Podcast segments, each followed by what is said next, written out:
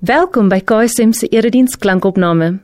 Nadat jy hierdie boodskap geluister het, sal ons dit regtig waardeer as jy die boodskap rate of in Afrikaans gestel beoordeel en deel met ander. Jou terugvoer help ander om saam met ons die Jesuslewe te ontdek, omdat Jesus alles verander. Hier is vandag se boodskap. Ja, Here, U is goed vir ons. U is regtig regtig goed vir ons. Hierdie hierdie wonderlike lied, Here, kan net aanhou en aanhou. Daai refrein kan net aanhou loop heel aand. En mag dit in ons harte loop soos wat U ons nou vol gemaak het. Maak ons nog voller dat ons oorloop wanneer ons nou U woord oopmaak om vir ons te leer van ons almal se persepsie van Jesus wat moet verander. Amen. Een van die grootste voorregte om in 'n gemeente soos hierdie te wees is dat jy nie die enigste dominee is nie. Natuurlik. Want ons beplan saam natuurlik aan reekse. En toe ons hierdie reeks begin ontwikkel het, het Colin gesê hy beleef nogal hier moet 'n ding wees rondom die winde van verandering. Het ek dadelik gedink aan daai Anton Goosen liedjie. Wie van julle onthou daai Anton Goosen liedjie? Moenie oud hom weggee nie. O, oh, die winde van verandering, wat waai. Anton kan dit so lekker doen, nê. Hy was eendag by ons juwel gewees in Bloemfontein. Hy het 18 minute lank gesing, bring vir die harlekin nog wyn. En toe sê ons, hoorie, stop nou. So daai Anton Goosen liedjie was so half bietjie die inspirasie van hierdie winde van verandering. In Augustus waar die wind maar dis 'n metafoor vir verandering in ons elkeen se lewens. En toe het ons temas gekies wat by dit sal pas. En vandag se is wanneer die persepsie van Jesus verander. Ek onthou die eerste keer toe 3D flieks uitgekom het so 10, 12 jaar terug, het daar 'n hele nuwe wêreld oopgegaan van wat jy alles kan sien in 'n sinema. Ek het nog nooit so baie mense oopmond sien fliek kyk nie. Jy weet, en mense wat gereserveerd is. Hulle kon net nie glo nie en dit gaan daaroor dat hulle 'n volle persepsie kon kry van dit. Nou vanoggend het Niels gepreek oor dieselfde tema aanlyn en ek wil julle gaan inspireer om regtig te gaan kyk na daai boodskap want dit was absoluut amazing. Hy het spesifiek gepraat oor Johannes die Doper, Jesus se neef wat ook hierdie persepsie gehad het van Jesus. En nadat Johannes die Doper in die tronk beland het waar hy alleen was, het sy vriende by Jesus gekom en gevra Johannes die Doper wil net weet, is jy regtig die Messias? Menende Johannes se prentjie het al verander van Jesus. Sy persepsie van Jesus het verander. En ons almal kry partykeer 'n persepsie van Jesus waarvan ons nie hou nie. En dan wil ek dit nie weggee nie. Gaan kyk aanlyn na die res van die boodskap van Niels spesifiek oor die nuwe persepsie van Jesus. En vandag wil ek dit aanhaak en ek wil vir julle hierdie prentjie wys. Want dit gaan spesifiek daaroor dat ons elkeen 'n prentjie het van Jesus, 'n persepsie het wat ontwikkel en is veronderstel om te gebeur. Hierdie ding het na my toe gekom in my slaap een aand. Nee, ek speel. Dis navorsing van Gys van Skook van die Kaap af. Ouens in die Kaap kry baie goeie navorsing, veral ons op die platteland. Hy sê die volgende, so julle moet saam met my nou hier kyk. Ons elkeen het 'n persepsie van Jesus, dis daai in 'n boon dan Dit word bevestig deur getuienis van jou lewe in jou wêreld. Jy het 'n persepsie van wie Jesus vir jou is en as gevolg van daardie persepsie wat bevestig word, maak dit dat jy op 'n sekere manier leef. En skielik is daar 'n insident wat nie bevestig kan word. Jy kry nou 'n nuwe persepsie van Jesus. Vir my het dit gebeur in 2006 Ek het altyd die persepsie gehad niks gebeur toevallig nie, alles gebeur met 'n rede. Toe lê ek agter in my kar se kattebak en wag vir hijackers om my te gaan doodmaak. En die eerste ding wat ek voel is, die Here wat vir my sê glo jy nog steeds alles gebeur met 'n rede. Want dit is 'n alles vir my het gesê al God het alsoos met 'n rede gebeur en ek glo dit regtig. Maar ek moes 'n nuwe persepsie kry van Jesus wat intree in my lewe op 'n manier wat ek skielik nie kon verklaar nie. En dan sê Gys 'n baie belangrike ding. Hy sê baie keer probeer jy die moeilike insident in jou lewe vir my was dit 'n karkaping gewees, vir jou kan dit enigiets anders wees in jou lewe wat jou lewe ontstel. Dit kan daai insident wat jy probeer verklaar met jou aanvanklike persepsie van Jesus, maak dit jy 'n muur tref.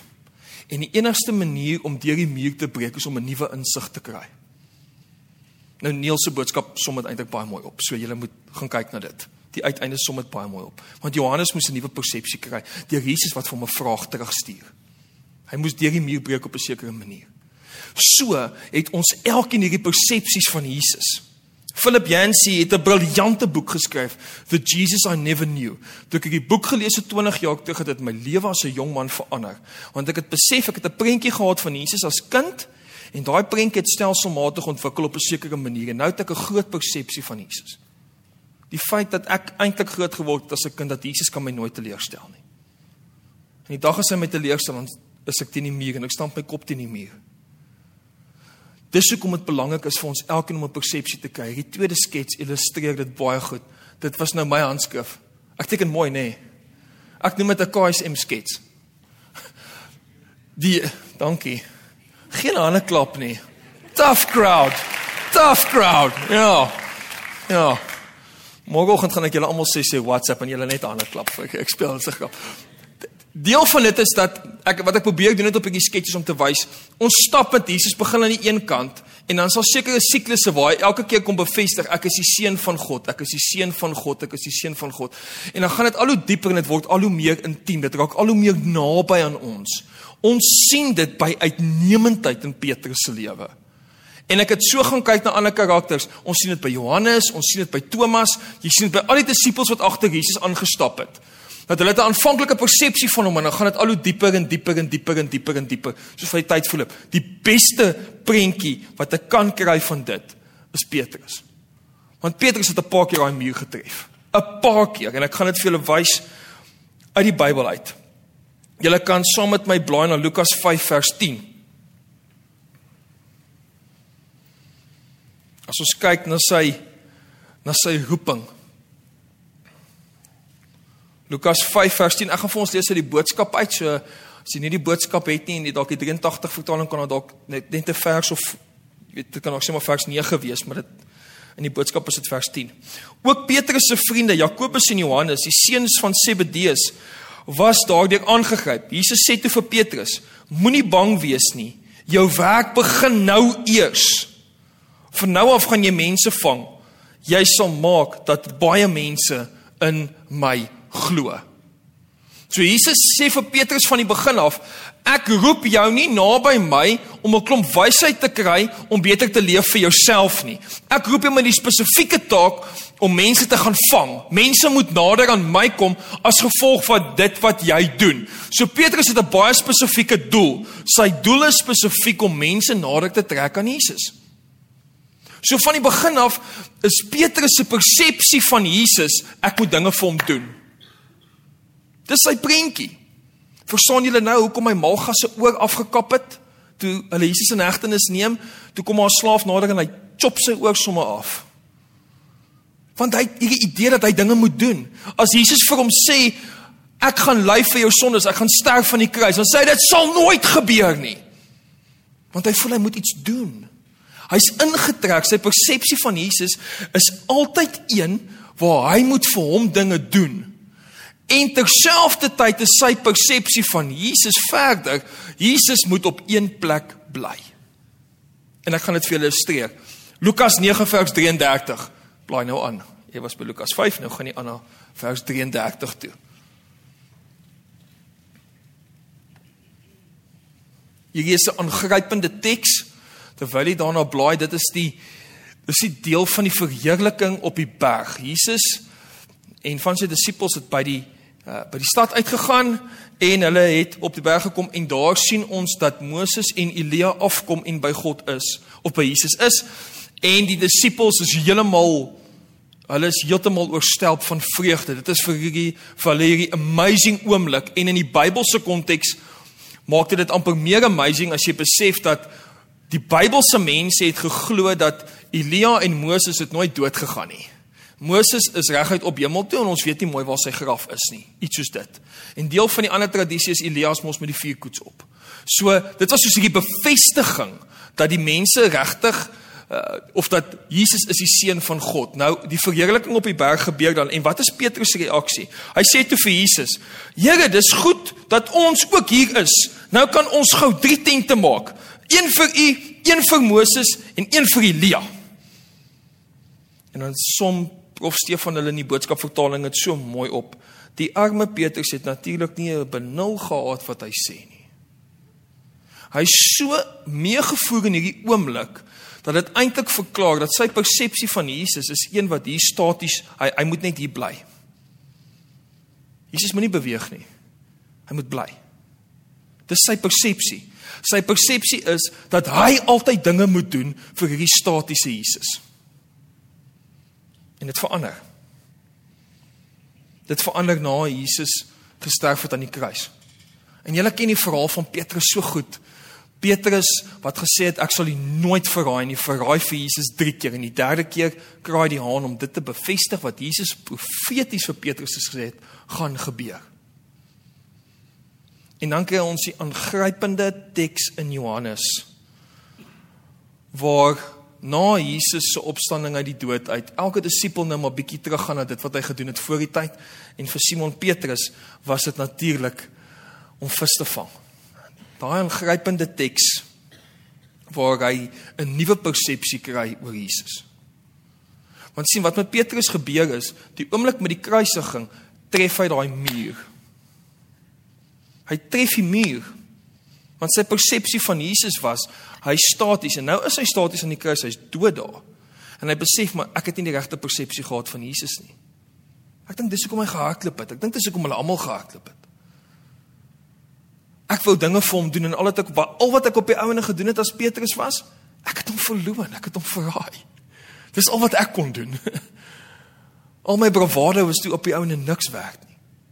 En wat doen daai selfde Petrus? Na Jesus se opstanding uit die dood, hy gaan terug om iets te doen. Hy vang vis. Ons lees Johannes 21 uh, vers 11 tot 12 en dan 14 tot 17. Simon Petrus spring toe gou in en sleep die vragvis op die land uit. Daar was 153 groot visse in die net. Al was daar so baie vis, het die net verbasend genoeg nie geskeur nie. Om eet 'n stukkie ontbyt nooi Jesus hulle toe uit. Nie een van hulle het die, het die moed gehad om te vra wie is u nie. Dit was ook nie nodig om te vra nie. Hulle het geweet dit is die Here. Dit was die derde keer dat Jesus so aan sy getroue volgelinge verskyn het nadat hy die dood opgestaan het. Na ete vra Jesus vir Petrus: "Simon, seun van Jesus, het jy my liewer as as wat hierdie ander my het?" "Ja, Here," kom dit van Petrus. "U weet hoe toegewy en lojaal ek teenoor u is." Kyk dan asseblief na my lammers, vra Jesus toe. 'n tweede keer vra Jesus: "Simon seun van Johannes, het jy my lief?" "Ja, Here, U weet mos hoe lief ek U het," sê Petrus weer. "Pas dan asseblief my skape soos 'n herder op," vra Jesus. 'n Derde keer vra Jesus om: "Simon seun van Johannes, het jy my lief?" Kan ek heeltemal op jou lojaliteit staatmaak? Petrus het hartseer geword omdat Jesus so aanhou. Here sê hy toe: hoef nie eens te vra nie want u weet alles. Ook wat in my hart aangaan. U weet mos hoe lief ek vir u is. Sorg dan vir my skape sê Jesus. Ek wil vir jou iets belangriks sê. Dan deel hy met hom 'n verdere boodskap. Petrus verraai vir Jesus hoeveel keer? 3 keer. 3 keer kom die bewegende God wat alomteenwoordig is na Petrus toe en hy sê vir hom ek het jou lief. En hy vra dan vir hom die vraag. Dit was Jesus se manier om vir Petrus te herstel. Maar Petrus om 3 keer verloon het, herbevestig hy 3 keer. Ek dink jy is wonderlik Petrus. Ek dink jy is nog steeds goed genoeg om 'n doenmens te wees. Jy is 'n doenmens, maar jy het nodig om te weet, deel van my beweging op aarde is dat ek nie staties is nie, ek beweeg jy saam. En as jy gaan kyk na die res van Petrus se verhaal, dan sal jy in Handelinge sien, dis daai selfde Petrus wat geglo het dat God kan nie by die heidene wees nie. Sien Petrus het gedink God kan net by die Jode wees en Jesus is bedoel vir die Jode. Dan het hy hierdie droom waarin God vir hom sê, ek wil hê jy moet eet van al hierdie kos. Jesus sê vir hom, ek wil hê jy moet eet van al die heidense kos. Dan sê hy kan nie. Dan sê hy, maar jy moet van dit eet om werklik te kan weet dat ek God is. Dis weer 'n keer wanneer Petrus deur daai spreekwoordelike ding gaan om te besef my persepsie van Jesus is hy staties, dis verkeerd. my persepsie van Jesus moet wees hy beweeg konstant in mense se lewens. Petrus sou vir sy hele lewe deur hierdie noue pad begin stap. Ek wil jou uitdaag om die briewe van Petrus te gaan lees. Dan sal jy sien hoe hy later verander het as iemand wat nog 'n dieper en dieper en 'n meer intieme pad met Jesus gestap het. Daai dieper en meer intieme pad is bedoel vir my en vir jou ook. Baie van ons dink as jy 'n muur tref in jou verhouding met die Here, daar fout met jou. Daar is nie. Die muur is daar vir jou om te besef ek moet 'n meer intieme pad met Jesus begin stap. Dis hoekom die muur daar is. So as jy vandag dink ek het 'n muur in my lewe, daar's fout met my. Want ek vir jou goeie nuus. Petrus was in daai selfde geselskap as jy dan. Petrus het ook gedink ek het 'n muur getref. Ek was verkeerd oor Jesus en dan kom Jesus weer en sê kom ons breek deur daai muur. Kom ek gee vir jou nog 'n dieper persepsie van wie ek is. Elke keer kom breek Jesus deur daai muur, maar ons as gelowiges is baie keer vandag geneig om te sê, ek wil nie deur die muur breek nie. Ek wil bly by 'n kleinlike prentjie en 'n kleinlike persepsie van hoe groot Jesus se liefde is. Die kerk sonder mure waar die Jesus lewe vir ons belangrik is, vir ons sê jy moet deur daai mure breek. Jy moet deur hulle breek. Dis hoekom gemeenskap vir ons so belangrik is. Want weet julle wat, die keer in my lewe wanneer ek die meeste gesukkel het om deur 'n muur te breek, het dit vir my baie beteken net om vir 'n pel of 'n kollega of 'n vriend te sê, ek sukkel met hierdie ding. Ek sukkel, hier's 'n muur. Ek spesiaal om 'n geestelike muur te tref. Iets is nie lekker nie. Die Jesus lewe is bedoel om te deel met ander mense wat almal vir mekaar waar ons vir mekaar kan sê, weet jy wat, ek het ook mure. Ek het ook mure soms en ek sukkel. Maar ek weet ek moet 'n dieper persepsie kry van hoe groot en hoe wonderlik Jesus in my lewe is. Hierdie persepsie van Jesus wat gereeld besig is om te verander. sien ons baie mooi in 1 Petrus 5 vers 2. Petrus skryf nou hierdie keer. 1 Petrus 5 vers 2. Onthou nou in die teks wat ons nou net gelees het, sê Jesus vir hom ek wil hê jy moet 'n oppasser wees van ander mense. Jou doen moet nie meer 'n algemene doen wees waar jy ore afkap en mense verloon en net jou eie ding doen nie. Ek het vir jou 'n spesifieke doen ding. Ek wil hê jy moet vir mense sorg. Petrus het dalk gedink ek is nie goed genoeg om dit te doen nie. Om die waarheid te sê, Petrus se hele geskiedenis het dalk gesê ek is nie goed genoeg om mense op te pas nie. En in sy stap met Jesus het hy agtergekom maar miskien kan ek tog een wees wat ander oppas. Hoor nou wat skryf hy in sy eerste brief. Hy skryf die volgende: Pas die mense wat aan God behoort goed op. sien hy het so baie keer deur daai siklus gegaan om te besef dat die bewegende God wil hê hy moet 'n oppasser wees van alle mense, Jode en heidene, enige iemand dat dit sy identiteit geword het. Pas die mense op wat aan God behoort. Hy sê pas hulle goed op. Kyk mooi na hulle. Dieselfde Petrus wat iemand se oor afgekap het, sê kom ons pas mense op want hy het self deur die muur gebreek om te besef hoe belangrik dit is om 'n persepsie te kry van Jesus wat wil hê hy moet dit doen. Want julle moet as hulle leiers vir hulle sorg. Sorg mooi vir hulle. Dit moenie net vir julle 'n las wees asof iemand julle dwing nie. Je, nee, julle moet dit doen omdat julle dit graag wil doen en dit vir julle lekker is. Julle moenie vra wat julle daardeur gaan ontvang nie, maar liewer wat julle kan gee deur vir ander iets te beteken. God wil dit so hê. Hy gaan dan verder in hierdie teks om so mooi te beskryf dat deel van sy reis was om te besef dat om ander mense te dien is 'n vreugde. Dis dieselfde Petrus wat nie wou gehad het Jesus met sy voete was nie. Wat nou sê kom ons was voete. Hy kry heeltemal nuwe persepsie want hy het deur die muur gebreek elke keer om 'n nuwe persepsie van Jesus te kry.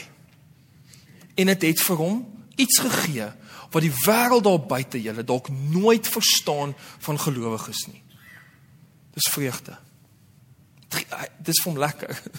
Dis vir hom lekker om elke keer te sien hoe hierdie alomteenwoordige Jesus Christus werk met gelowiges. Dit gee hom 'n vreugde om ander te dien. Hy sê dit moenie vir hulle sleg wees, moet vir hulle lekker wees. Deel van wat ons sê by Kerk sonder mure is dat die Jesus lewe ene moet wees waar jy eers bereid is om te wil dien. Jy moet eers bereid wees om spreekwoordelik jou moue op te rol en te sê ek is bereid om voete te was. Maar dis 'n spesifieke doel. Ek wil vir julle afsluit met daardie gedagte.